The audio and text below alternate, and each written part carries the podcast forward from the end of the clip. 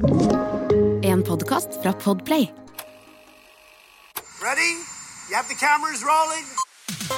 He was hosting boozy parties in Downing Street. But when the president does it, that means that it is not illegal. I have a dream. We will win this election and we will change the country together. The chair declares the House in recess, subject to the call of the chair. Velkommen. Velkommen. Mitt navn er Sofie Høgestøl, Og mitt navn er Eirik Bergesen. og dette er vårt nokså uhøytidelige, veldig personlige forsøk på å gå bak ukas nyheter, lete etter sammenhenger, si noe om framtiden, på jakt etter det store bildet, slik vi ser det. Hver fredag. Ja, lytter, og for en fredag dette er. Det skal jo lanseres et statsbudsjett om noen timer.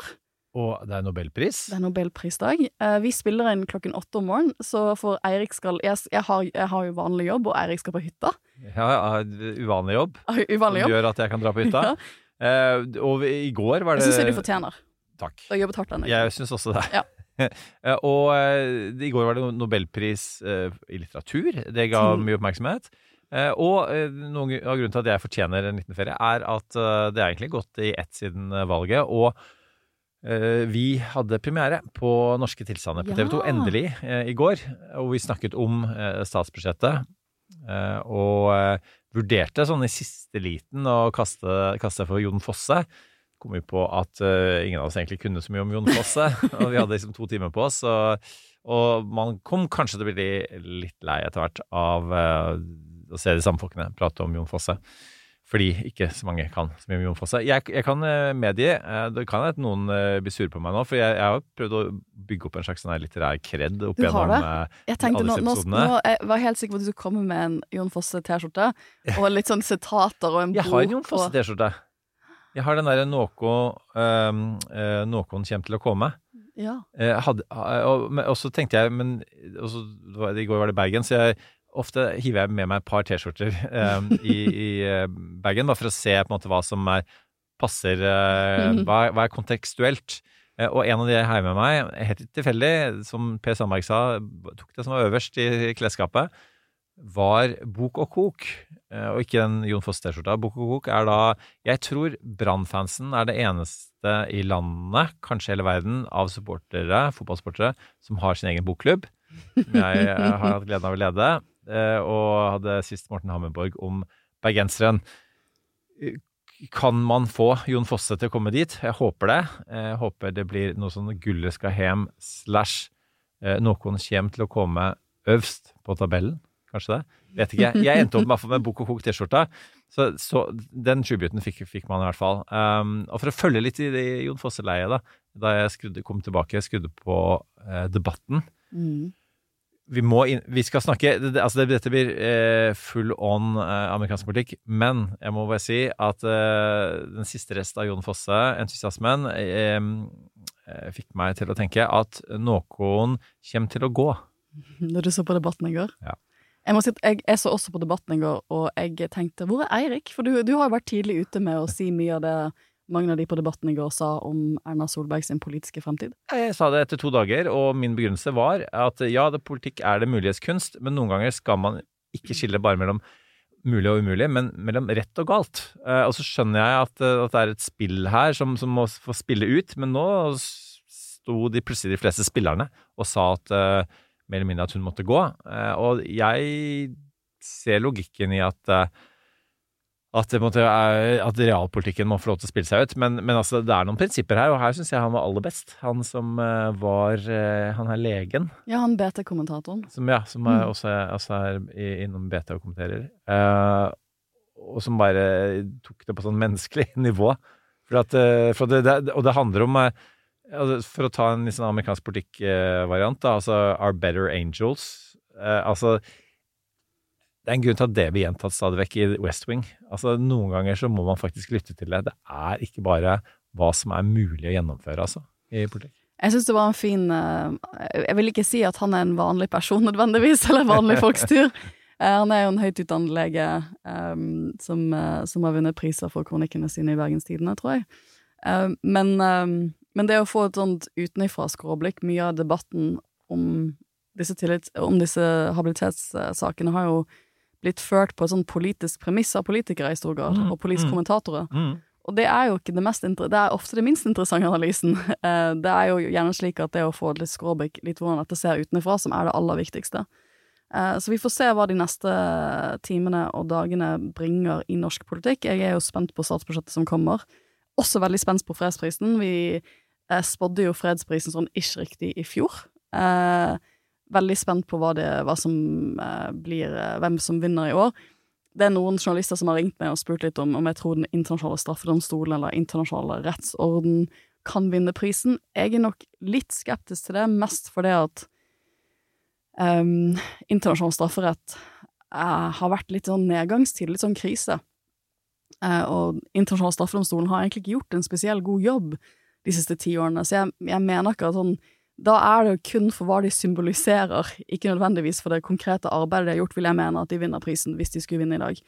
Um, men eh, men jeg, jeg, så jeg holder nok med, som mange andre gjør, med at iranske kvinner skal bli anerkjent for den frihetskampen de har kjempet siste året. Ja, jeg satt og inn, svingte innom på vei til Flytoget i går morges klokken syv og kommenterte det vi skal kommentere nå senere, Mm. eh, om, om Kongressen. Og så satt jeg på bakrommet med PRIO-direktøren eh, og snakka om akkurat disse tingene her. da. Eh, og han også mente det samme. Så jeg, jeg, jeg syns vi skal våge oss eh, frampå med, med tips med iranske kvinner. Og fordi det, det som passer veldig godt der, da, er, er at eh, um, det, det som skjedde, um, det var på en måte historisk. Ja. Eh, og så har, har på en måte mistet litt oppmerksomhet nå. Og det er jo perfekt for, for, for diktatorer. Eh, og dette er en måte å dytte det frem i oppmerksomheten igjen. Eh, mens versus eksempel Ukraina, som på en måte fikk prisen i fjor, eh, og, og som er fortsatt midt i en krig. Og man, man er faktisk man er nødt til å på en måte Ja, det ligger en tipunktsplan der fra Zelenskyj, men den, den, den er knapt blitt diskutert, og i hvert fall ikke forsøkt implementert. Og så har du altså klima og så videre. Det er, det, er, det er bra. Det kan ha en rolle i konflikt, men da må det faktisk ha en tydelig peke på at det har en tydelig rolle i, i en eller annen konflikt. Så, så nei, jeg tror på det. og Jeg tror det blir en uh, god pris. Uh, og før vi begynner på en siste ting, da, Jon Fosse. uh, før If I may. Før vi begynner med, med alt det amerikanske. Eh, jeg, jeg har litt sånn der, uh, ambivalent forhold til uh, Jon Fosse, uh, gitt den derre litt av kreden som jeg prøver å bygge opp. Eh, Og jeg syns det er litt kjedelig. Og så måtte jeg, jeg speedlytte eh, til noen kommer til å komme, eh, som er ganske kort. Så det anbefales eh, å i hvert fall forsøke. Eh, Så, sånn at det, er, eh, det er bare på sånn litt over en time, og, da blir det Jeg tror jeg var en eh, 25 minutter med 2,2. Eh, og- men det går så sakte i utgangspunktet. ja. Nå, nå er det no, egentlig normal hastighet, da. Um, og det var eh, jeg, jeg, Sorry, ass, jeg forstår det ikke. Stilsikkert er det kanskje det er noe der, men eh, um, Stilsikkert og en person som har skrevet litteratur på litteraturens premiss, og ikke, ikke andres. Og når jeg leste det, så tenkte jeg dette er nok bøker som jeg kommer til å slite med å komme gjennom, men jeg syns det er nydelig for nynorsken. Jeg syns det er nydelig for han. Det er jo en stor ære at Norge får en sånn type pris. Det er jo 100 år siden sist. Ja, og, og, og TV 2 var faktisk eh, eh, den første som intervjuet han. Eh, fant han på en sånn ferjekai på Frekkhaug. Eh, hvor han ifølge. Samlaget sto. Og man var sånn, de spurte sånn Nei, ja, men hvilken ferjekai da? Hvor? Hvilken ferjekai, ja. Det, det, det ser han. Så sto han og kikka ut på tavet. Kunne ikke vært mer stoisk. Traff han som har intervjuet han etterpå, og så kunne jeg si at du har intervjuet to stykker på en ferjekai. Du har også eh, intervjuet meg eh, om eh, Donald Trump på ferjekaia mot Haramsøya, før de fikk tunnel. Eh, vi hadde sånne so sommer eh, hvor, hvor det var spesielt mye Trump, mens jeg ferierte på Haramsida. Dette er Så- jo livet til en USA-ekspert. Ja. Det er til tider ekstremt mye Trump. Og jeg følte at det har vært litt sånn stille, um, kanskje med oppmerksomhet, eller amerikansk politikkoppmerksomhet, i, norsk, eh, i den norske sfæren. Naturlig nok fordi vi har hatt våre egne kriser å og Da, da er det, eh, jeg føler av og til at en del nyhetsreaksjoner Jeg tenker at de sitter rundt, så er det litt sånn Shit, det er it's, it's a slow news day, hva skal vi gjøre? Ja, vi skriver noe Trump-greier. Det er liksom, det, vi, vi, det er, vi må finne, det er et eller annet, sikkert et eller annet loco som skjer i USA, vi må bare finne det. Så skriver vi et, eller- et eller annet greier om det. Vi ser, vi ser hva de skriver i New York Times og Washington Post, så skriver vi en sånn versjon av det. Det tror jeg ofte, ganske ofte skjer. Eller bare ringer ringe Sofie og Eirik. Da har de sikkert et eller annet å si. Um, også, men, men, men, um, men denne uken her ble jo plutselig sånn full USA-uke. Og jeg, min, mitt lille bilde er at jeg fikk covid. Jeg fikk covid i helgen. Um, heldigvis så tok jeg en booster, booster eh, rett før valget, uh, så jeg ble ikke så dårlig som samboeren min. Um, men, um, men var liksom fortsatt ganske slapp og dårlig og sengeliggende i helgen. Så jeg greide liksom ikke å gire meg opp. For at hvis, vi skal begynne med å liksom brette ut hva som egentlig har skjedd i amerikansk politikk denne uken Vi må liksom bare fastslå hvor alvorlig dette er. For dette er ikke bare en sånn herre eh, nok et sånn slags sånn eh, selskapslek eh, rundt eh, det, det siste rare Trump har sagt. Vi snakker altså om at USA eh, ikke har et fungerende kongress Ja, i en tid med krig og økonomisk krise, Ja, det, det, eh, ja. og i, i begynnelsen av en valgkamp. For det siste, jeg- Det siste jeg gjorde før jeg ble liksom, sengeliggende, var at jeg var på Helgemorgen på NRK på lørdag sammen med Gjermund. Det var veldig hyggelig. Hyggelig å se Gjermund, eh, vår, eh, vår friend of the pod. Stenberg Eriksen. Stenberg Eriksen, som kommer ut med Furia 2 snart. Det blir veldig spennende. Um, men vi skulle da Veldig kommentere Veldig spennende. Vi, vi skulle da kommentere at, uh, at de ikke hadde funnet en løsning på statsbudsjettet. For statsbudsjettet, eller statsbudsjettåret, eller budsjettåret i USA, starta 1. oktober. Eh, og vi, vi, vi har jo visst lenge at det kommer til å bli vanskelig å finne frem til en politisk flertall for eh, et budsjett i USA, for det at Kongressen for øyeblikket er delt. Eh, kongressen i USA er delt i to deler, dette vet jo alle lytterne våre, vil jeg si, men vi kan bare ta det fra begynnelsen av. Og Representantenes hus er liksom unna huset, og der har republikanerne et særdeles knapt flertall. De kan vel bare De kan vel Altså, du må ha 218 representanter fra flertall, og de har vel eh, 221? 222 for øyeblikket. Eh, så de, de må holde hele flokken sin samlet hvis de skal greie å ha flertall for ting. Og det vet vi jo at de sliter med, å holde partiet sitt samlet.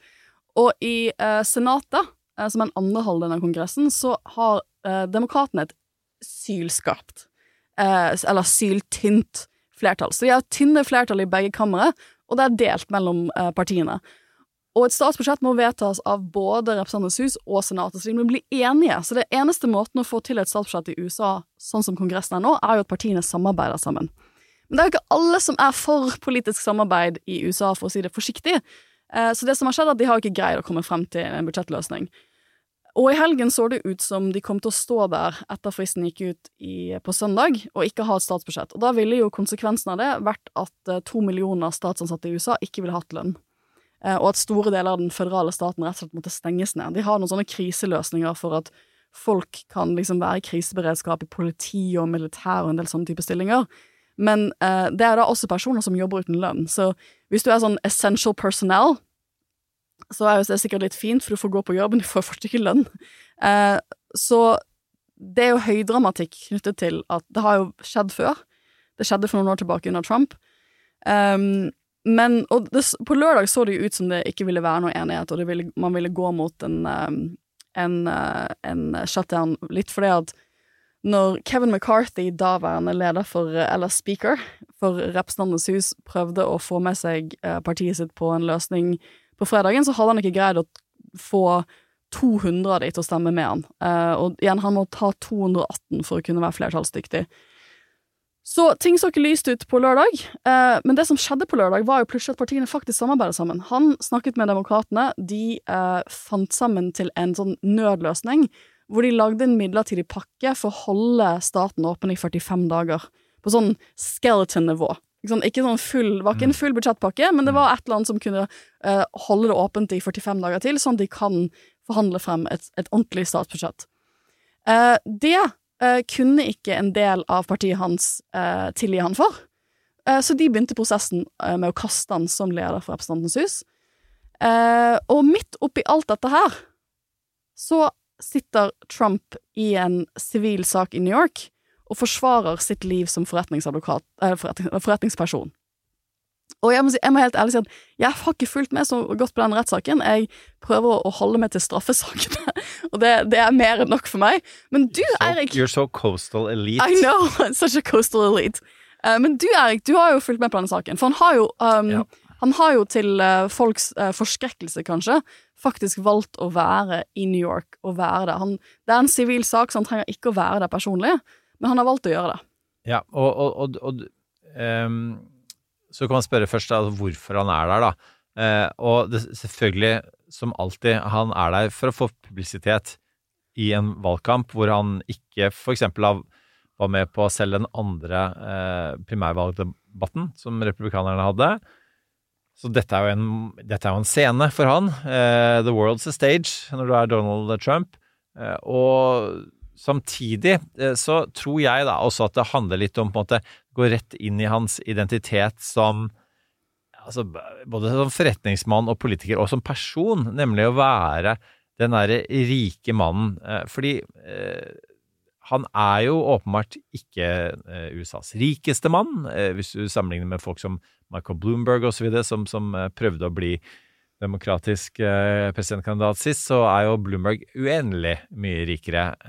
og de sa jo det, disse her som lagde The Apprentice i sin tid, den derre reality-serien om han som en rik og vellykket forretningsmann, at, at det første de måtte gjøre, det var på en måte også å, å, å eh, pusse opp eh, leiligheten hans og møblene og shine, for det var slitt og, og litt sånn om ikke falleferdig, så, så det, det, dette var ikke presentabelt for en som da eh, prøvde å, å se ut som han var eh, en av landets rikeste.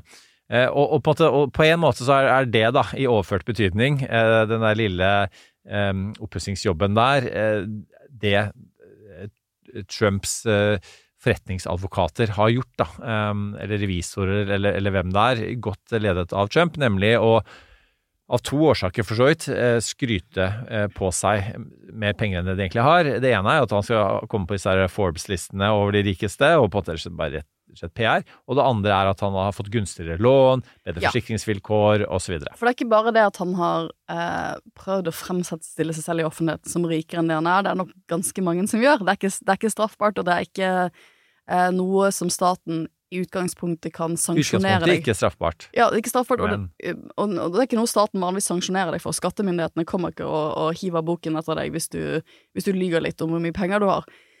Men hvis du derimot går til en bank mm. Og prøver å få et lån, og idet du prøver å få det lånet um, uh, de ville kalt det kanskje sånn uh, optimistisk regnskapsføring. Jeg ville kalt det lyging. Uh, og si at en, hvis jeg sier at leiligheten, eller liksom leiligheten min er verdt to millioner kroner mer enn den er når jeg skal prøve å få et lån, så er det å lyge til banken. Og det, det, jo, det kan jo for så vidt være for straffbart i seg selv. Det kan, det kan jo være i ytterst konsekvens være straffbart. Men det, de har valgt å ikke ta ut en straffsak her. Og det er nok litt um, Det er nok flere grunner til det. Ikke minst det at beviskravet i sivile saker er mye lavere enn en straffesak. I straffesaken så må du jo virkelig kunne bevise ting over en rimelig, hver rimelig tvil.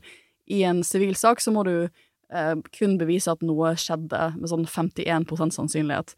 Så det er en lavere bevisterskel for staten. Og det er jo gjerne slik at når skatteetaten kommer etter deg, så er det gjennom et sivilt søksmål, med mindre ting har gått skikkelig, skikkelig galt, og Økrim er på saken.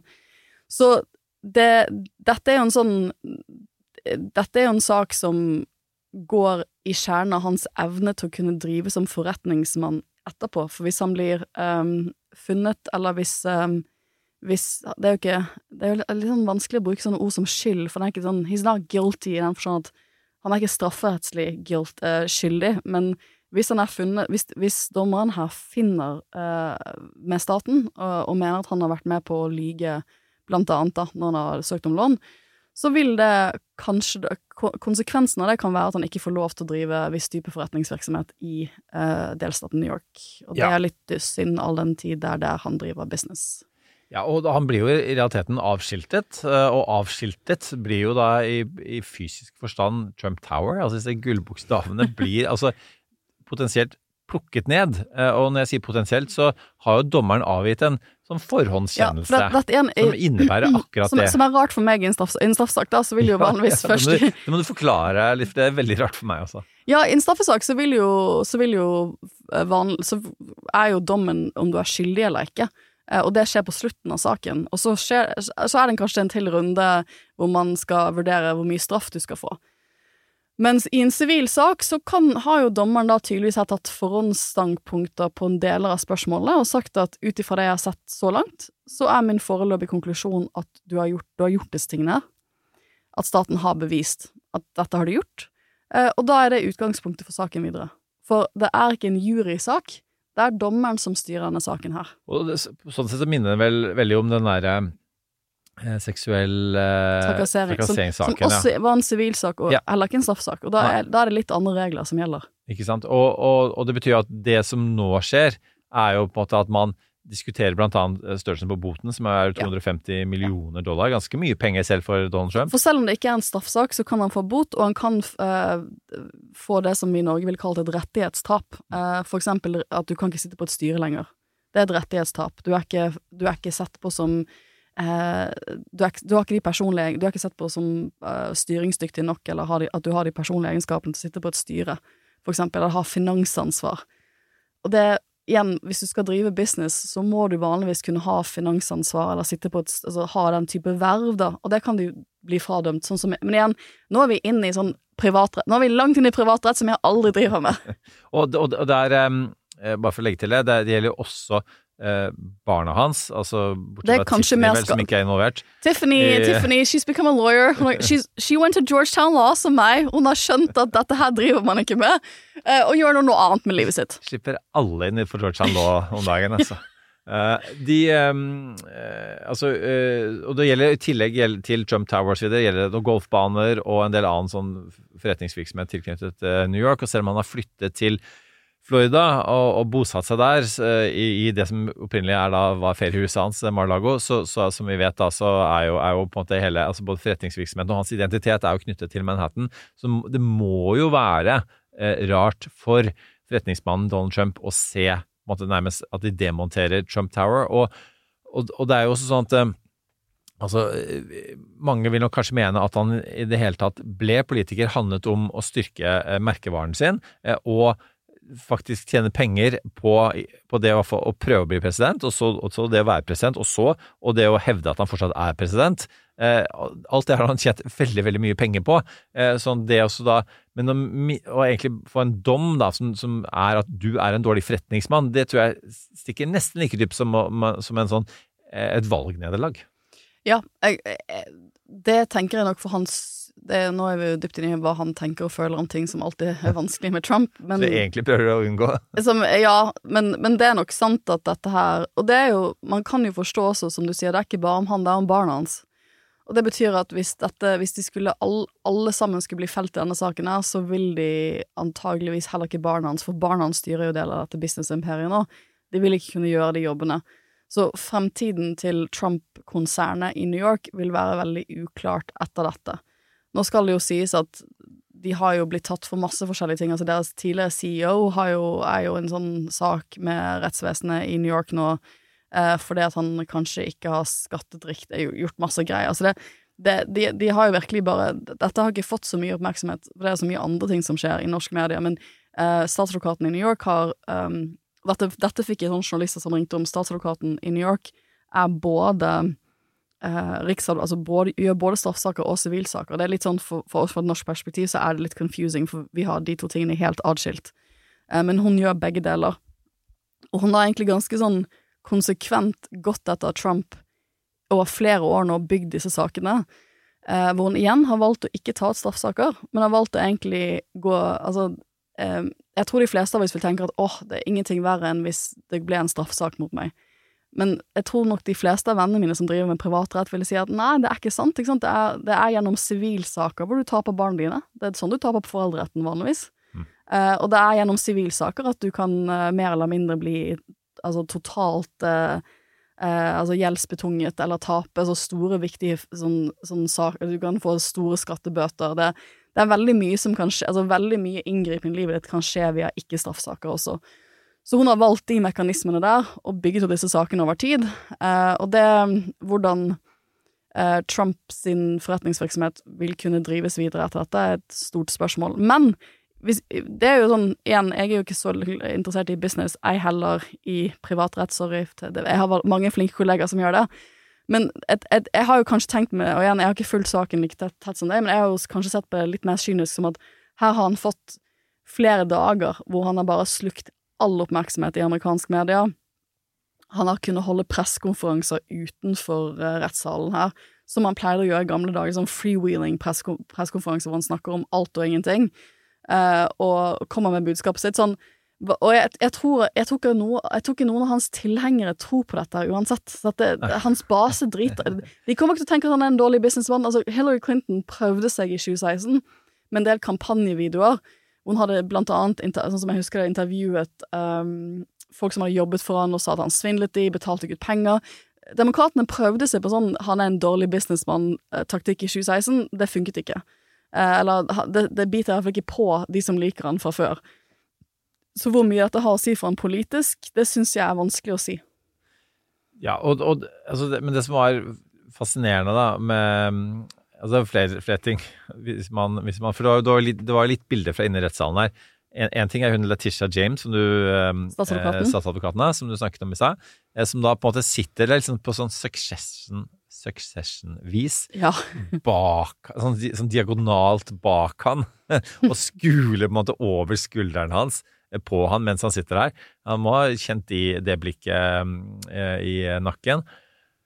Eh, Og så har du dommeren, da. Eh, ganske old school type, som da Altså, eh, I den kjennelsen som var før på en måte rettssaken begynte formelt, så, som da på en måte Altså, han filleristet Trumps advokater og sa at, at altså, den type argumenter de hadde, det, det var, hadde ingen juridisk basis. Det at de drev og gjentok det igjen og igjen, var et sånn Groundhog Day-scenario.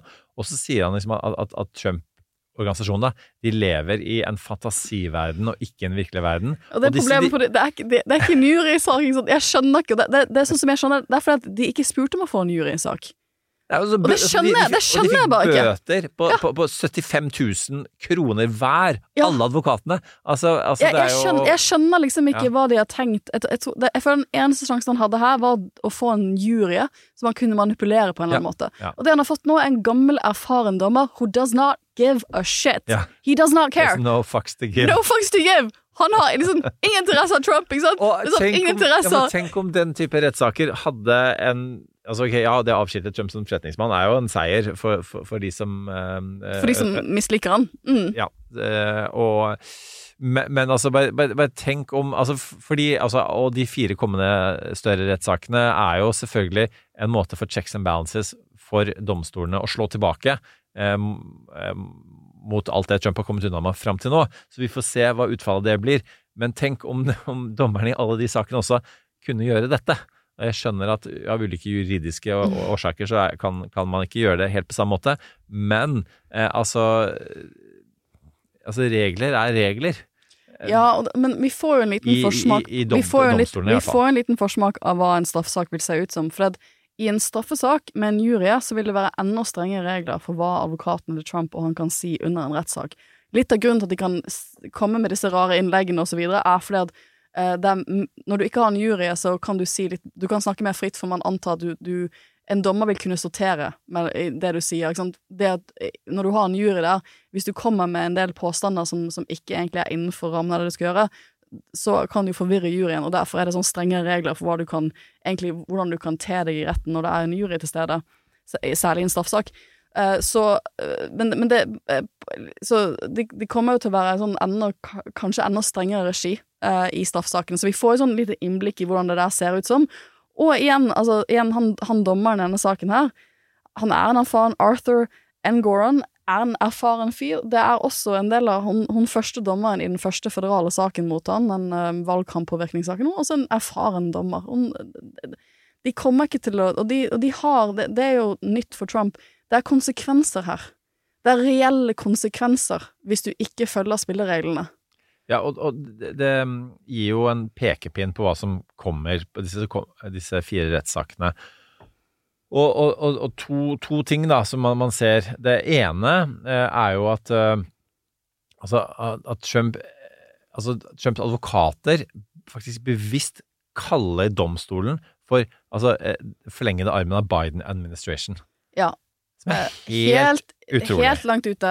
Og, men jeg, jeg syns at han var veldig tålmodig. Altså, han har jo latt de holde på med dette. Ja. Men så tråkket de over streken, for det, Ja. det fikk også jeg med meg. Det Trump gjorde i en eller annen pause en av dagene, det var at han brukte Truth eh, Social til å ligge ut et bilde av dommerassistenten Ja. eh, til dommeren. Altså en law clerk, som ofte er en ung person som nylig har blitt ferdig med jussen, som er veldig god. Det å bli en law clerk for, liksom, for en dommer på denne måten, er, da er du flink på skolen. Det er vanskelig, det er vanskelig jobb å få. Um, og han la ut et bilde av uh, denne dommerassistenten med Chuck Schumer, uh, som har vært en, uh, en av en demokratisk senator som pleide å lede senatet for demokratene for en del år tilbake. Og så la han ut, og han var jo gammel da antageligvis også, han la ut sånn eh, et bilde av henne med sånn Chuck Schumers girlfriend. Så han gjorde narr av igjen en junior med, altså en dommerassistent, en junior medarbeider. Og da, da gikk det for langt for dommeren. Da var han knallhard. Han sa at personal attacks on members of my court staff are unacceptable, inappropriate, and I will not tolerate them under any circumstance. Og det skjedde ganske fort. Altså, den reaksjonen kom veldig fort. Eh, for jeg tror han gjorde sånn, at det er sånn gag order, ikke sant? Ja, så han får, han, får, ikke lov- han får ikke lov til å gjøre noe sånt. Til, å til, Altså, til å uttale seg på den måten. Og hvis han gjør det, så kan han få bot, men han kan også ende opp og sitte, altså Han kan også bli held in contempt of court, og da sitter du i arresten, rett og slett. Og, og, og Trump er, for øvrig, det er jo litt gøy å tenke altså Trump er jo egentlig arrestert i alle de fire sakene. Altså, han er jo out on bail. Trump er en Ja. arrestant. Ja Nei, men Men, men for Men, Men jo, men, det andre tingen, andre Ja, tingen. Okay, men så- eh, den andre tingen nemlig, for, for dette er litt viktig, Um, eller kanskje det viktigste. For det spørsmålet er igjen eh, En ting er både hva han sier og hvordan man oppfører seg da, eh, i de kommende rettssakene, men hva er den juridiske argumentasjonen hans? Det er jo det vi har lurt på, og alle andre som følger dette her. Hva, hva vil det være? Hva, og, og, og en av de tingene kunne vært eh, at um, Advokatene mine sa at jeg skulle gjøre dette her. Og nå, nå snakker jeg om, det, det at han da skal ha prøvd å stjele valget. Ja, for Eh, også- der har det skjedd en del ting. Ja, fordi, og, og, og bare sånn, eh, for, å, for å ta det, da. Så uh, Der var han plutselig på Meet the Press for et par uker siden, og så sier han at nei, nei, nei. eh, Det var jeg, det var min idé hele tiden. Med andre ord en, en fin liten journalistisk felle av eh, den nye programlederen for Meet the Press, som gjør at, at Trump da eh, mister det kortet i retten. Så er spørsmålet ja, hva de, han, Ja, de, ja. de kommer til å palle back, det var noe han sa på TV. Men, jeg vet det. Men eh, for spørsmålet blir jo da på en måte hva er det han kommer til å si til retten? Og, mm, og nå, nå jeg igjen er ikke juristen her, men på meg ser det ut som at det er nesten uvesentlig hva han Kommer han med en juridisk argumentasjon i det hele tatt? Kommer han bare til å bruke domstolen for å fortsette med den politiske retorikken sin? Og Ja, altså, håpe at han vinner og blir benådet, kan benåde seg selv? Ja, øh, jeg, er en, jeg kan ikke nok om privatrett til å kunne si noe om, og jeg følte ikke godt nok med til å kunne si noe om hvilket forsvar hans advokater prøvde seg på i denne saken i New York. Men jeg vil jo si at jeg er, jeg er er svært sjeldent imponert over advokaten hans. Igjen, jeg skjønner ikke hvorfor de har valgt å ha en dommer og ikke en jury. De har gjort en del sånne feil hvor du bare tenker at dette, eller etter mitt skjønn, strategiske feil. Eh, som du tenker men, men det er nok også fordi at um, de må jo legge en strategi, og så må de prøve å selge den til Trump. Og han bry, virker ikke å bry seg om fin, finjussen her, på tross av at han har en datter, da, Trump, uh, Tiffany Trump, som har studert juss. Og han har en svigersønn altså, han, han har jo masse jurister i familien han kunne spurt om hjelp fra. Det ser det ikke ut som han har gjort. Og uh, hvis vi, hvis vi nå bare gjør en sånn statsoppdatering av de andre sakene, så er det to ting som har skjedd denne uken som er viktige for straffesakene. Ja. Den første tingen er at New York Times for noen dager siden hadde en sak om at uh, Jack Smith, som er statsadvokaten i de føderale straffesakene mot Trump, de to, de to, den ene som handler om uh, at han har tatt med seg gradert informasjon, og den andre som handler om uh, valgpåvirkning. Og i den valgpåvirkningssaken så har de begynt å grave i om Rudy Giuliani har et alkoholproblem. og det høres kanskje litt sånn nedrig ut, men det er fordi at de prøver å bygge opp rundt at Trump visste at Rudy Giuliani var høyst ustabil. Og det var ikke, han fikk ikke advokatråd fra denne mannen her. Dette var en mann han brukte som en politisk rådgiver, som han også visste at eh, ja, kanskje har noen alkoholproblemer, kanskje ikke var den mest pålitelige personen han burde tatt juridiske råd fra. Og det har skapt litt oppmerksomhet, for når eh, Nå får jo avisene en mulighet til å skrive om, om det, om Rudy Giuliani har et eh, alkoholproblem. Eh, Så det har sikkert ikke vært en sånn spesielt gøy uke for Rudy Giuliani å få det bredt ut i New York Times. Det er den første tingen som har skjedd denne uken. Den andre tingen som sprakk i går i New York Times, eh, som jeg ser no norsk presse har begynt å skrive om nå, det er at Trump skal ha vist eh, Og nå er jeg over i den graderte dokumentsaken, som jeg har sagt før er nok er den letteste saken for statsadvokaten å bevise, for den er, lett, den er nok lettere å bevise enn eh, valgpåvirkningssaken. Eh, og der eh, har New York Times fått nyss i at, eh, at Donald Trump i april 2021, altså bare noen uker etter han gikk av som president, skal ha hatt Anthony Pratt som en gjest på Mar-a-Lago. Um, Jeg har ikke hørt om han så ofte mye før, men han er en australsk milliardær.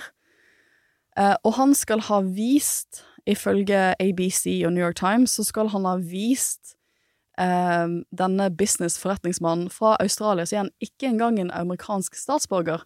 Han skal ha vist han eh, dokumenter eh, som gikk på at hvor mange atomstridshoder USA har på ubåt, altså atomhemmeligheter. Eh, det er veldig hemmelig informasjon, eh, og ifølge Han eh, kunne bare funnet det hvis han bare gått på do. Ja. og for øvrig, da. Det, det, det, sparte han det bryet det- der med å begynne å romstere i de kassene som lå der. Uh, eh, det, er, det er et godt poeng, Erik. Men han, denne businessmannen skal ha fortalt det videre til hele 45 personer. Uh, og igjen, jeg tror nok Vi har jo gått Vi har lagd en hel pod-episode om den tiltalen, så hvis dere er interessert i det, så er det bare å spole litt tilbake, og så finner dere den fra, fra i sommer, når tiltalen kom ut. Men eh, dette er jo nok en konkret eksempel, og et konkret vitne, som kan si at her satt Trump og lekket høyst, høyst, høyst gradert informasjon om atomhemmeligheter mens han jazzet på Mar-a-Lago med noen businessfolk fra utlandet. De er ikke engang Altså, jeg tror ikke det har så mye strafferettslig å si, men det, igjen, det, det er bare så eh, Det er jo helt krise. Eh, hvis dette er sant. Og dette er nok da nok en person som nok vil bli et nøkkelvitne i denne saken når den skal opp for, eh, for en jury om, eh, om, før sommeren til neste år.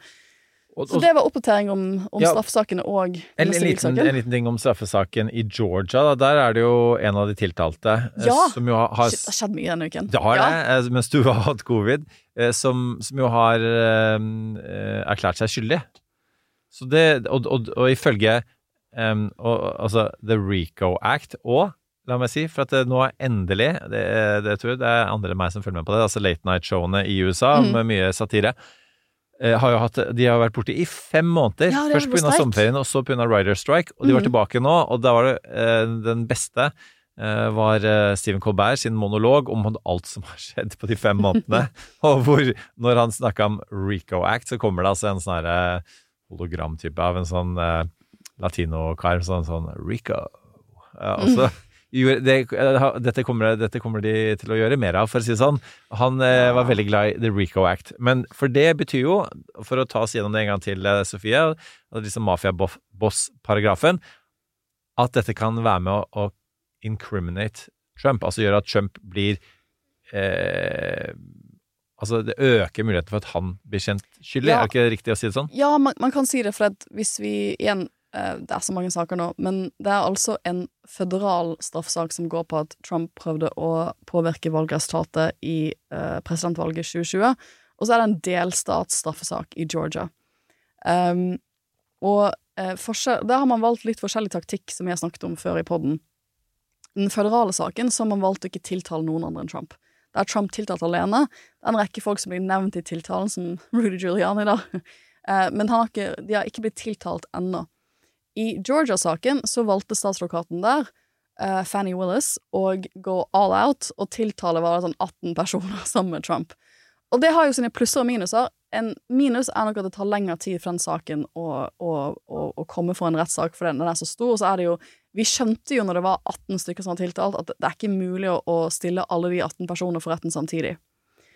Eh, men fordelen med det er at de 18 personene er veldig forskjellige typer hva skal jeg kalle, sosioøkonomiske forutsetninger for en sånn sak. Du har Trump som er rik, og så er det en del andre personer da som nok har nok penger til å bruke til å svi av en halv million da, på en forskjellig advokat. Så er det Giuliani som er eh, blakk, Blakk. gammel, alkoholisert. Ja. Og kanskje ikke har lyst til å sitte i fengsel resten av Nei, ikke sant. Som, som nå, men som Trump da visstnok skal ha begynt å hjelpe og betale penger for disse sakene, for han skjønner jo at hvis Rudy goes, så, så, så er livet hans Da blir livet hans vanskelig, fra et strafferettslig perspektiv. Men en av de har en av de, en av de personene som blir tiltalt, som er liksom, kan, Han kan ikke ha mye penger, han har en helt vanlig jobb. Um, han, aha, liksom, han er nobody. Vi hadde aldri visst hvem han var, hadde det ikke vært for denne straffesaken her. Uh, han skal jo da, hvis jeg husker det riktig, ifølge tiltalen har blitt anklagd for å ha prøvd å bryte seg inn i noen av valgmaskinene for å avdekke valgfusk i et av valgdistriktene. Og det har nå bare erkjent, uh, erkjent straffskyld for. Og det visste vi jo egentlig at noen av disse folkene her med mindre Trump ga dem masse penger, eller hjalp de økonomisk i denne saken, så hadde nok jeg også, hvis jeg var de, vurdert veldig sterkt å bare inngå en plea agreement og si, vet du hva, jeg har gjort dette her, jeg tar straffer hvis, hvis jeg samarbeider nå, så får jeg masse Hvis jeg samarbeider først, så får jeg antageligvis mest strafferabatt av alle. Men du får jo ikke en sånn samarbeidsavtale uten at du gir noe. Det er hele poenget. Det er hele poenget med plea, plea- plea bargain fra statsadvokaten sin side, er at du, du får bare en sweet deal hvis du gir sweet things. Og da er jo spørsmålet what sweet things vil han kunne gi? Og jeg tror litt av mitt spørsmål med hvor mye han kan inkriminere Trump, er at er han for langt nede i denne skjeden til at han har hatt noe kontakt med til han linkes med, eller hans handlinger til, kan linkes med direkte til Trump, det vil jo tiden vise. Men det er ikke bra for Trump at etter bare et par uker så har folk begynt å ta plea agreements. That's not Det hadde ikke jeg vært fornøyd med um, hvis, uh, hvis jeg var i hans posisjon. Men Georgia-saken er jo Jeg tror ikke den har blitt berammet ennå tidsmessig, så den er jo en sak som fort kanskje ikke kommer opp før presidentvalget. Så da er vi tilbake igjen til presidentvalget. Men nå har vi, nå har vi gjort mye. Nå har vi gått gjennom eh, sivilsaken. Jeg har en fun fact. Eh, Siste kvartal har eh, Trump samlet inn 45 millioner eh, dollar. Det er fortsatt bare en brøkdel av de 250 millioner dollarene han kanskje må betale i New York eh, eh, sivilrettssaken. Eh, og tre millioner av de dollarene er bare knyttet til mugshot merch, for øvrig. Ja. Ja.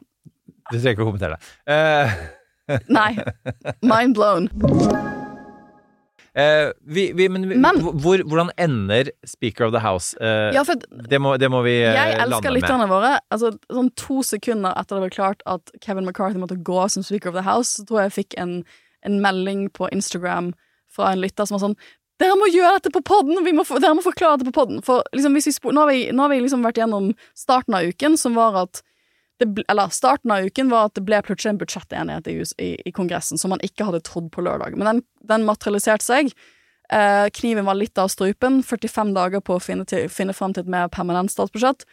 Eh, så handlet plutselig uken om Trump-rettssaken. Men så kom Kongressen tilbake og, og jeg vil si tok litt av thunder for til og med Trumps rettssak. Um, for som sagt, så Og dette, dette handler jo mye om det vi snakket om i januar, en av de første episodene vi gjorde i år. Det handlet jo om at Kevin McCarthy prøvde å bli leder for Representantenes hus, at han prøvde å bli speaker. Uh, og da igjen, for å bli speaker så må du telle til 218, du må få 218 stemmer. Uh, han, har, han kan bare miste tre personer, mister han fire, Uh, fordi at de er bare, som sagt, 221 innvalgte fra republikanerne. Hvis han mister fire personer i en sånn avstemning, så har han ikke flertall. Eh, og det gjorde han 15 ganger i januar. Han ble jo da den første i historien til å måtte gå 15 runder for å bli valgt til leder av Representantenes hus. Og du og jeg spurte oss selv altså, kan han stå i dette. It's incredibly humiliating. Eh, verdenspressen dekker dette her, for det er bare helt kaos. Eh, og han, han gjorde det. Og han, han har jo prøvd å selge i etterkant inn at dette viser styrke, at han er en fighter, at han viser at han kan levere på ting, for han står i vanskelige situasjoner. Jeg lurer på hvem andre som uh, prøver å få fram at de viser lederstyrke ved å stå i stormen istedenfor å gå av. Skal, vi skal ikke tilbake dit. Nei, vi skal ikke tilbake dit. Men hvis vi går tilbake til vår uh, sending den gangen, så var, Mhm. som hadde tittelen 'Spikeren i kista', så er jo akkurat det den gangen, og det er akkurat det som nå har skjedd. For nå har spikeren faktisk havnet i kista, og graven har han gravd selv, og den Ja. begynte han å grave i januar. Ikke sant? Fordi at, eh, og en av de tingene han gjorde, var å ta inn igjen eh, Det var en sånn klausul som var der fra før av, det var jo ikke noe man fant på der da, eh, at, én person, det holder at én person i Representantenes hus reiser hånden og sier at, at eh, den personen ønsker å fremme et mistillitsforslag Ja. mot han. Og det som da skjedde, var jo at den ene personen som var troende til å gjøre det, Gjorde det. gjorde det. Og det var den personen som foreslo at det skulle komme inn Ja, igjen, så- gjorde det. Så det, dette Du gir morderen Ja, ja. Så det som, det som skjedde i januar, er at um, i løpet av disse 15 rundene han tapte for å bli speaker, så måtte han komme med masse innrømmelser til disse eh, som noen ville kalt locos. Eller noen av eh, separatistene, eller jeg vet ikke hva du har lyst til å Noen kaller de ultrakonservative, men tvert imot er de ultraradikale. Ja. Det er jo ingenting systembevarende ved det. Nei, de bryr seg ikke. They don't, they, don't, they don't care at all. Og han ga de masse ting. Han egentlig begynte, begynte i januar med å si nei, han skal ikke, gi disse, disse tingene her. Og så ga han de For hver runde han ikke fikk flertall, så ga han de flere ting. Og en av de som du er inne på, er at han var med på en regelendring som gjør det lettere å felle speakeren uh, ved mistillit. For da, da trenger du bare én representant i Kongress eller i, i Representantenes hus til å fremme et mistillitsforslag.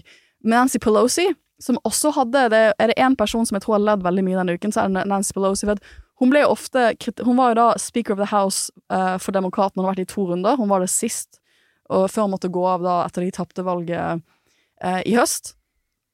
Hun fikk jo ofte kritikk fra republikanere om at hun var, styrte med sånn jernhånd, og det var så udemokratisk, videre. Men det var jo fordi at hun også hadde et ekstremt snevert flertall. Hun hadde vel 222 representanter, så hun hadde et like lite flertall som det Kevin McCarthy har. Og hun skjønte at skal jeg styre denne skuta her, så må vi run a tight ship. Da kan ikke folk begynne å bryte ut. Og det er jo litt morsomt, for det, det var jo mange som kalte Alexandria Ocasio-Cortez og hennes gruppe da, som litt sånn radikale ytterfløyer. Gjerne republikanere kalte de radikale ytterfløyer, men det var ingen av de som gjorde denne type ting. Ingen av de gjorde noe som vi har sett denne uken her. Um, så som du sier, han, han ga de egentlig han, han, Ved å komme med den innrømmelsen at det, han bare trengte én person til å utløse mistillit mot seg selv, så har han egentlig vært på oppsigelse hver eneste dag på jobb siden januar, og det, det er tøft. Ja, fordi ikke sant, altså han eh, er jo da blitt kjent for en som en person som bryter løfter, eh, og grunnen til at han bryter løfter, er at han gir løfter han ikke klarer å holde. Eh, og, Han prøver å blidgjøre alle mens du snakker med han, så er han din beste venn og sier 'Å, nei, jeg er så enig, jeg skal gjøre alle disse tingene men så, så holder han jo ingen av de løftene. Nei, og, og, og du kan si at og så er spørsmålet for eksempel noen stiller seg Men hvorfor eh, falt demokratene han i ryggen? Fordi man kan jo Altså de, av, av disse her eh, altså, Jeg tror ikke det blir en ultrakonservativ eh, speaker, men, men det kan bli noen som er eh, ja, mer konservativ, skråsekk, radikal, skråsekk, eh, ustyrlig enn McCarthy. Og hvordan, hvorfor vil demokratene risikere det? Ja, for det, var jo da åtte personer som felte han til slutt. Ja. Så det, det, på tirsdag blir det klart at det blir en avstemning ehm, for Matt Gates, som er en av disse Trumpist-aktige fyrene fra Florida som har vært innvalgt en liten periode. Han har jo vært under sitt juridiske søkelys. Uh, en, en del, um, men han har da ikke blitt tiltalt. Han har, de har henlagt saken mot han for um, Hva var det? Uh, trafikkere mindreårige barn over Ja, jenter, som Ja. er jo egentlig bare å Ja, det var ikke ja. sex med unge Ja. jenter. Ja. Men det, saken, i, det, i det moderne republikanske partiet har ikke noe sånt å si, og han ble aldri tiltalt. Eh, han har jo da Det var han som fremmet dette mistillitsforslaget. Han ble så sur fordi at han prøvde jo å presse McCarthy til å komme med ganske mange innrømmelser for å lage et budsjett som de ville støtte. Men ved at McCarthy da gikk til demokrater til slutt, så kutta jo han av den makten de hadde til å presse han. Eh, og de hadde jo sagt at hvis du går til demokratene, så kaster vi deg. Eh, og det gjorde de. Eh, så han start, startet den prosessen. Det blir en avstemning, eh, og da trodde jo McCarthy, tror jeg, at kanskje Først så prøvde de å gjøre det til en avstemning om det skulle være en avstemning. Det er da du vet du er i politikken. For den første avstemningen de gjorde, var de skulle stemme over om forslaget til Matt Skates skulle egentlig gå videre. Og da kunne han ha blitt reddet. Da kunne også for så vidt demokratene ha reddet han, for da ville ikke demokratene ha stemt for å beholde han som speaker. De ville bare ha stemt for å ikke egentlig behandle spørsmålet om han skulle gå, eller om han skulle bli felt i mistillit. Men ehm, Kevin McCarthy er ikke en uh, stor strateg, viser det seg, for han uh, Ifølge CNN og New York Times og en del av journalistene som dekket dette på onsdag Det var vel onsdag det skjedde? Ja, uken går litt i surr. Uh, Tirsdag-onsdag. Ja, sorry. Um, så, så var en av de Så hadde demokratene alle sine representanter. De har jo nesten 200 og et eller annet stykker, de også. De, har jo, de, har jo, de er jo 213, tror jeg, noe sånt nå. Republikanerne? Nei, eh, demokratene. Ja, ja, ja. De Republikanerne er 221. Ja, og jeg tror liksom Ja, så det, det, er en, det, det er ikke så Det er en stor gruppe, det også. Mm. De samlet sammen for å diskutere skal vi redde han. Ikke sant? Nå går det kanskje mot mistillit her, skal vi redde det, Og igjen, det har aldri skjedd før i amerikansk historie at en speaker har måttet gå av i, ved et mistillitsforslag. Det har aldri skjedd før. Uh, og da skal jo Det skal ha vært flere ting, selvfølgelig. De liker han ikke. De stoler ikke på han. Det, det var visstnok en av argumentene som gikk om og om igjen. Og så gikk han nok på en strategisk blemmert da han gikk på, på Fokus-TV i USA på søndag, etter han hadde fått til dette budsjettforliket, og kritiserte demokratene. Og ikke, liksom, ikke var spesielt pen i ord, Gikk tilbake på det forliket som jo han selv Ja. foreslo. Ja, på TV. Eh, og da tror jeg mange av de var sånn OK, fuck this shit, dette, dette går jo bare ikke. Eh, kan, liksom, vi, vi, nå har vi egentlig reddet, reddet han fra um, For jeg tror nok mange tenker at hvis det ble en shutdown, hvis staten stengte, så er det republikanerne som sitter som, som de fleste vil tenke var ansvarlig for det kaoset der, ikke demokratene. Så jeg tror mange av de følte litt på at hvis nå har vi strukket en hånd og prøvd å hjelpe deg, eh, og så disser du oss på TV etterpå. Eh, og så er det nok mange av de som Alt går jo tilbake til 6. januar-stormingen, og mange av de har nok vært er nok fortsatt veldig sinte på han fordi at han først går ut og kritiserer Trump rett etter stormingen, og så er det han som virkelig, i alle fall i Representantenes hus, virkelig gjør et tilbakefall og slutter opp om Trump igjen, og skjermer han til dels for Eller hjelper han å bli skjermet fra en riksrettsprosess. Ja, og han drar fysisk til Mar-Lago Ja. som den første og eneste politikeren og kysser ringen, Ja. Eh, som det heter, og på en måte sverge sin lojalitet etter først av, av, Kjell Trump. Så Og, og det er jo for å bli speaker. Det, det gjør han jo i 2021 for å bli speaker. Absolutt. Det er jo utelukkende maktpolitisk for å få den posisjonen han har gjort fort nå. Og så, og så var det altså, igjen da, bare for å ta den handlelisten og, og hvorfor demokratene ikke skulle redde han. Altså, han, han er da altså med og stemmer for å, å, å, å overstyre valget. Han, han, han fremmer uh, the big lie om at valget var stjålet. Eh, han eh, eh, bruker nå Ukraina-støtte, holder det gissel. Eh, han setter i gang, og det har vi jo knapt snakket om på den her, setter i gang altså riksrettssaks undersøkelser mot Biden, som er No, noe han egentlig, Helt noe han egentlig var helt imot, men igjen, han må komme med innrømmelser til denne, disse, den, disse gruppen med 8 til 20 locos, eller som noen ville kalt de da. Jeg ville selvfølgelig ikke kalt de locos, jeg ville kalt de utbrytere eller eh, ikke-samarbeidende republikanere.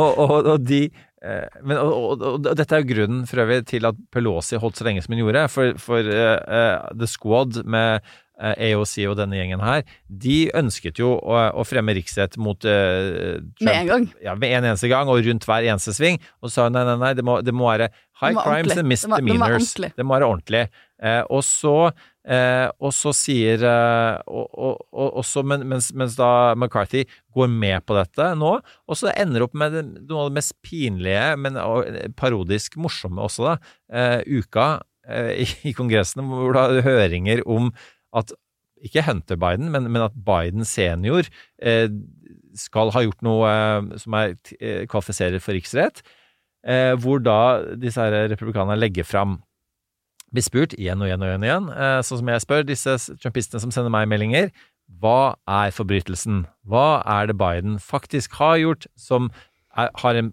politisk konsekvens?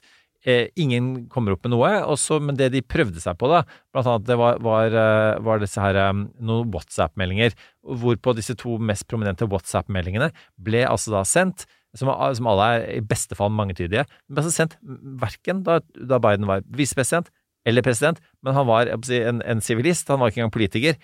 Og så blir spørsmålet til de, hvorfor tenker du at dette har en politisk konsekvens? Og så blir svaret uh, you're mainstream media, and uh, Altså, det er der vi er. Ja, ja, så det er jo, altså, han- selvfølgelig måtte det- McCarthy det, gå. Det, det er jo litt det McCarthy har gitt og gitt og gitt. Jeg vil si at han ble valgt til speaker, men han har aldri styrt partiet sitt. Han har aldri, og det er jo spørsmålet nå, kan de finne en speaker som ikke bare kan bli valgt, men faktisk kan govern, altså styre, styre partigruppen sin, få ting til. Det har jo, jeg, jeg vil mene at det har ikke Kevin McCarthy gjort i det hele tatt. Eh, og han, jeg synes det var liksom, eh, nå har jeg sjekket, dette var tirsdag kveld, norsk tid, og så i morgentimene, sånn, øh, sånn etter midnatt, så, så han, var avstemningen klar. Det var liksom det siste jeg gjorde før sånn på tirsdag, det var å se på, se på avskjedstalen hans, da. Eh, for det var jo uklart rett etter han ble skvist ut om han skulle prøve å stille igjen. Eh, og det gikk han ut i en tale og sa det gjør jeg ikke, jeg stiller ikke, jeg stiller ikke igjen. Og da prøver han jo også å skylde litt på demokraten, så tenker jeg sånn, vet du hva? Alvorlig talt, hvis Nancy Pelosi hadde blitt felt i mistillit, eller forsøkt felt i mistillit eh, i fjor eller forfjor, tanken om at det republikanske partiet hadde stemt for å redde henne, det er jo bare helt vilt. Det hadde de aldri, aldri, aldri gjort. Eh, så, og, det, det er jo sånn, det er en interessant debatt nå. Burde demokratene ha eh, slått ring om han? Burde tida de ha brytt ut og stemt for å beholde han? Eh, liksom for, for ikke s- s- kaste landet inn i den kaosen det er nå. Det kommer nok til å bli diskutert, men in fairness til alle de demokratene alle, alle som en i Representantenes hus er på valg til neste år. Alle 435 representantene er på valg i november. Og det betyr at de i første omgang må sikre sin eget uh, uh, nominasjon for sitt eget parti innen neste sommer. Uh, og hvis du da plutselig har stemt for at Kevin McCarthy skal være Speaker of the House, og du er demokrat, da, er du, da, jo, da, da står det en liten ung Alexandria Ocasio-Cortez-type klart med en gang til primary Eh, så det, det er sånn det, Selvfølgelig har ikke de villet gi opp hele sin politiske legitimitet for Kevin McCarthy. Ja, men, altså, men, men til syvende og sist, selvfølgelig så det, har dette konsekvenser for demokratiet, ikke bare republikanerne. Og, og Ja. det, så, så det er jo en av det, som er synd. Men samtidig så er det ikke demokratenes jobb å redde republikanerne. Ja, for det er det, Sånn er det det, er det alvorlige Det er jo kanskje eh, Dette har blitt dekket i norsk presse, men jeg føler alvoret ikke helt har kommet fram. For det at, det at Representantenes hus står uten en leder nå, det kan høres det kan, Man kan tenke sånn å ja, bare mer amerikansk kaos, eller mer kaos i Kongressen. Og Kongressen er jo handlingslammet ofte. Hvorfor er dette så forskjellig fra det? Jo, det er forskjellig, for det at så lenge de står uten en le leder, sånn som reglene er nå, de og de, for å endre reglene så må de ha en ny leder, så det, de får ikke gjort noe der, så kan ikke Representantenes hus vedta eller behandle andre saker. Det betyr at de kan ikke, de kan ikke si at du, vi venter litt med det speaker-greiene, vi må behandle bud- statsbudsjettet. Det kan de ikke. De kan ikke jobbe med statsbudsjettet, de kan ikke uh, jobbe med lovforslag. Uh, og for det at, eller Ukraina-støtte, og for det at alle lovforslag og budsjettforslag i USA må gjennom både Representantenes hus og Senatet. Senatet er åpent, og Senatet jobber. Men for det at de ikke, altså for at du må gjennom begge kamrene, så har ikke USA, sånn som ting er nå, en fungerende lovgivende ehm, organ. De har ikke noe storting. Det hadde vært som om Stortinget i Norge istedenfor å åpne denne uken, hadde vært sånn fuck it, vi åpner ikke ordentlig, vi kaster stortingspresidenten, og vi vedtar ikke et budsjett. Det hadde jo vært helt kaos. Eh, så de kan ikke gjøre Altså, hvis det skulle vært et terrorangrep i USA i morgen, så ville ikke Kongressen kunne samle seg så kjapt for å, å vedta krisepakker. For det Representantenes hus må gjøre først, det er at de må velge en leder. Og inntil de har valgt en leder, så kan de ikke gjøre noe annet. Så akkurat nå så står de lederløse. Eh, og det er jo kandidater som har meldt seg, de skal prøve å bli leder neste uke, men det er jo ikke noen garanti for at det løser seg i løpet av de neste dagene. Når det er sagt, det er nok en norsk parallell. Høyre eh, tvang jo gjennom en, en avstemning om stortingspresidenten, Gharahkhami, eh, som ikke hadde en motkandidat, just for the sake of it. Eh, nå skjønner jeg at vi har snakket mye, altfor mye engelsk allerede, og så snakker Ja. jeg til med engelsk i en norsk eh, politisk sak. Men altså bare, hvorfor gjorde de det? altså det, Av en eller annen type rar prinsipp, som jo, eh, ja, som jo gjorde at det var en del som da stemte blank da, på dette. Ja, men, som, men, men Stortinget sto aldri lederløst, og det, det, det er kanskje det, men, er men det mest hvorfor del, være med å delegitimere? Men, men dette er kanskje det, som, som jeg syns er mest sånn, uh, talende for den krisen vi står i. Det er ikke uvanlig at det skjer kupp i politikken. Er, maktkupp skjer hele tiden. Men vanligvis, når et maktkupp skjer internt i et parti, så er det fordi at man har en annen kandidat. Man har gått lei av speakeren, man har lyst til å ha noen andre. Uh, og det er jo derfor heller ingen har måttet gå av i et mistillitsforslag i, eh, i, i Representantenes hus før, som speaker. Og det er fordi at hvis du da ser at nå er det flertall i partiet mitt for en annen kandidat, så går du av, og så, så setter de inn den andre kandidaten. Og så står man aldri der en stasjon hvor man ikke har noen leder. Og det som har, det som har skjedd nå, er jo at um, dette kom som en så stor Altså, eh, Republikanske partiet er så handlingslammet i Kongressen at det var ingen plan B når Kevin McCarthy måtte gå av på tirsdag. Det var ikke noen annen kandidat som Moderatene hadde kommet frem til. Ok, men da, da er plan B at, vi bare begynner å stemme på denne personen her. Det de gjorde, var at de sa at shit, ok, vi tar pause, og så kommer vi tilbake neste tirsdag. Så de, de, de, de, har egentlig satt alt pause en hel uke i, representantens hus, til de skal komme tilbake igjen på tirsdag, og da prøve å stemme frem en, en lederkandidat. Så langt er det to stykker som har meldt seg. Det er en, det er en sånn moderat, vanlig type som er i um, Som sitter i lederskapet allerede. Uh, som nok ingen har hørt om i Norge, som jeg knapt har hørt om. um, som er aktuell. Problemet er at han er, har kreft. Han har en kreftdiagnose, rett og slett. Steve Scalise, tenker Steve du på? Scalise. Eh, han er jo ikke mer moderat enn at han har kalt seg selv for David Duke without the baggage. Well, you know, in, in this Republican I den republikanske partiet. I republikanske partiet som vi har nå, så er, Så er Steve. Scalise ganske moderat. Eh, Og i tillegg til blodkreft, så hadde noen husker kanskje at, altså, at Han ble utsatt for et attentat på baseballbanen i 2017, ja. da han ble skutt og så vidt overlevde. Det var en gæren, venstreorientert person eh, som, som, som utførte det. Eh, Og, og for øvrig, da, altså dette valget står jo mellom eh, David Duke without a baggage og A Political Terrorist, som var det John Boehner, tidligere speaker of the Ja, House, kalte Jim Jordan. Ja, for den andre personen her som har blitt kastet inn som en uh, kandidat, og som i de siste timene her, i morgentimene i Norge, har fått støtte fra Donald Trump, som også har blitt fremmet som kandidat. Det er også, det er også replikanere. Så, Det kunne vi brukt en halvtime på, men den har, Det halvtime den- har vi ikke. Du, du skal på fjellet. på. Men uh, jeg tror ikke det, det var noen som spurte meg på Twitter Kan man bli, kan Donald Trump bli speaker of the house. Det kan han, det er ikke et krav om at du er sittende eller innvalgt i representanthuset, så i teorien kan han, men jeg tror ikke det er det som kommer til å skje. Dette er bare sånn psykofante fans av Trump i Representantenes hus som bare altså, har, har foreslått han for, for å vise hvor mye de elsker han. Men han har nå pekt på Jim Jordan. Jim Jordan er jo en person som hvis du har fulgt amerikansk politikk en stund, eh, så vil du nok synes det er smått uvirkelig at han skal være en person som er relevant. Han, han ville jo bare for et par år siden vært sett på som så ytterliggående i det partiet at det ville vært useriøst å foreslå han til et sånn type lederverv. Men igjen, det er ikke det gamle republikanske partiet, det er Trumps parti. Og da er det for meg kanskje bare logisk at Jim Jordan plutselig er aktuelt til å bli speaker. Uh, vi må huske at Trump ga han Var det sånn The Presidential Medal of Freedom?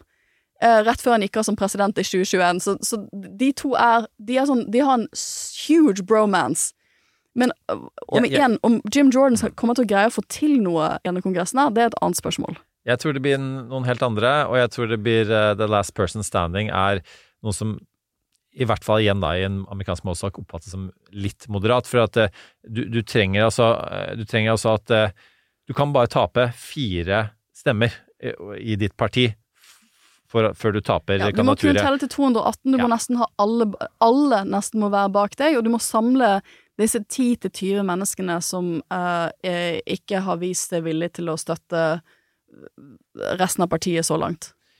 Vi må ta Vi må- ukas uh, på Ja, avkobling. For det, vi kommer jo til å måtte snakke om dette neste uke. For Det- det, det, fortsette. Det er veldig fort slik at vi sitter her neste fredag, og man fortsatt har en kongress som er handlingslammet fordi at man ikke har fått valgt en speaker. Så med det så går vi til ukas av- og påkoblinger.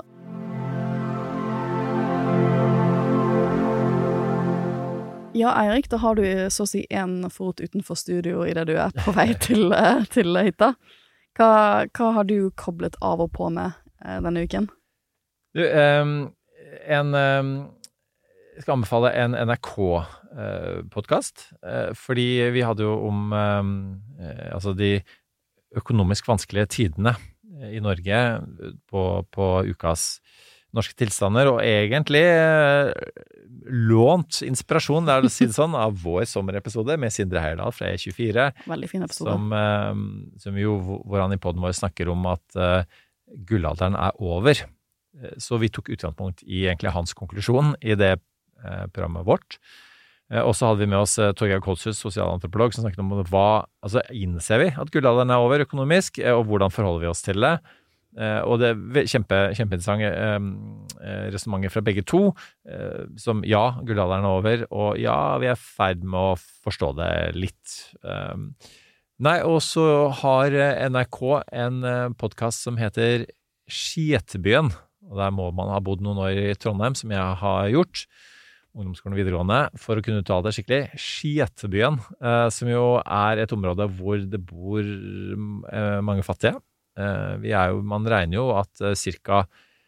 10 av norske befolkningen, det er ganske mange mennesker, det er jo da som, som da er altså, det er jo en halv million mennesker som, som er under fattigdomsgrensen.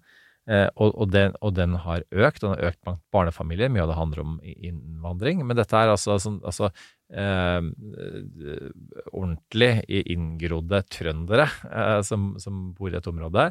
Og det er blant annet av moren til han eh, som har lagd serien, som er en eh, ordentlig eh, godt etablert eh, film- eh, og, og TV-regissør, som blant annet lagde The Fox av uh, Ylvis-videoen.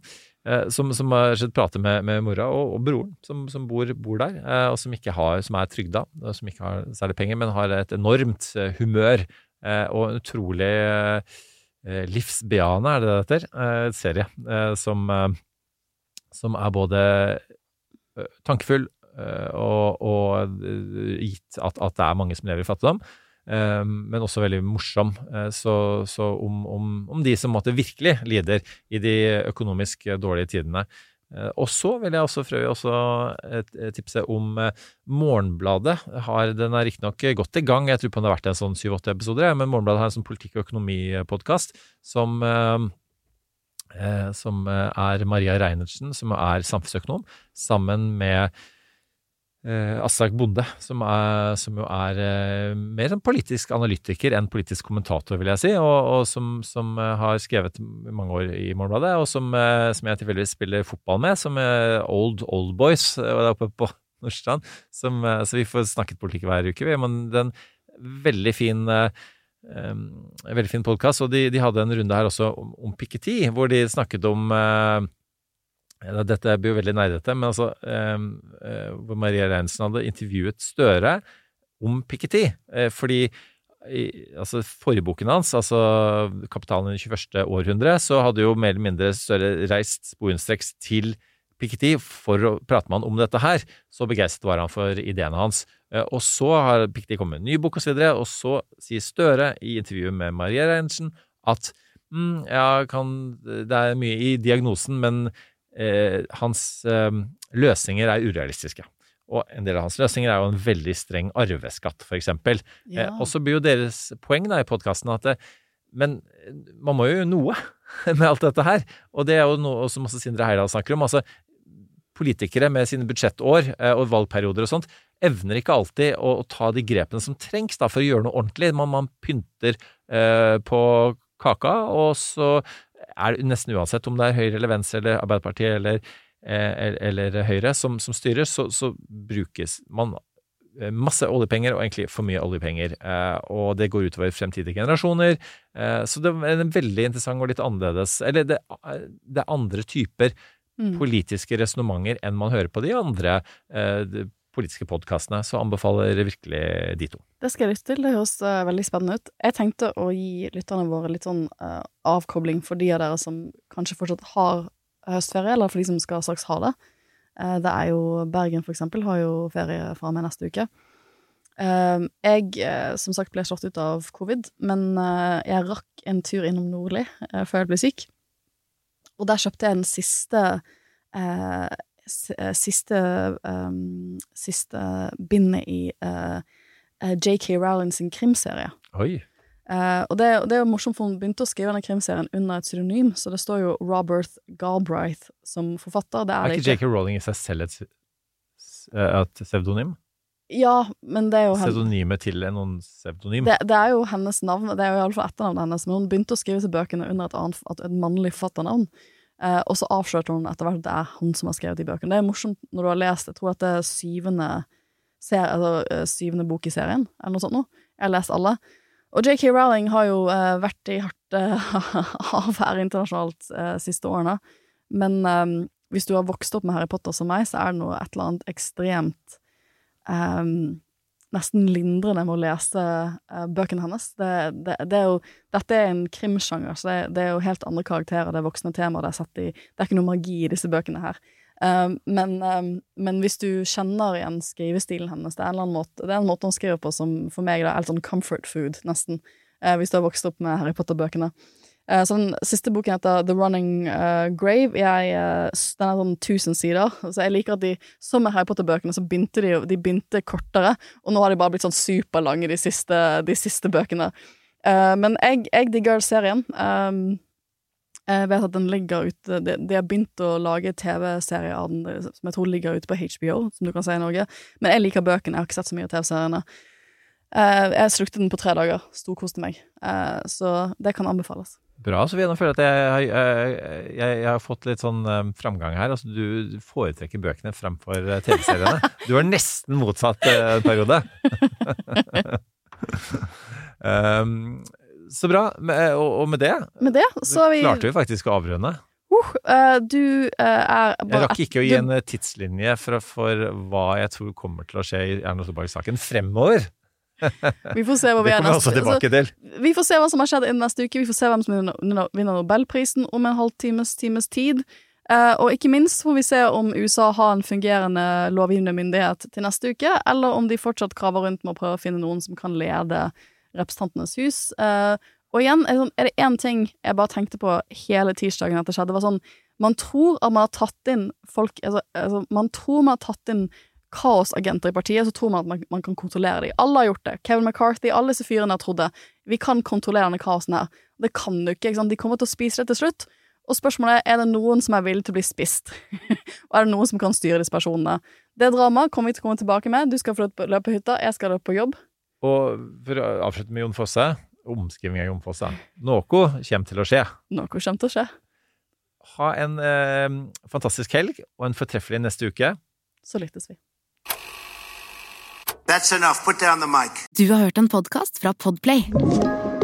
En enklere måte å høre podkast på. Last ned appen Podplay, eller se podplay.no.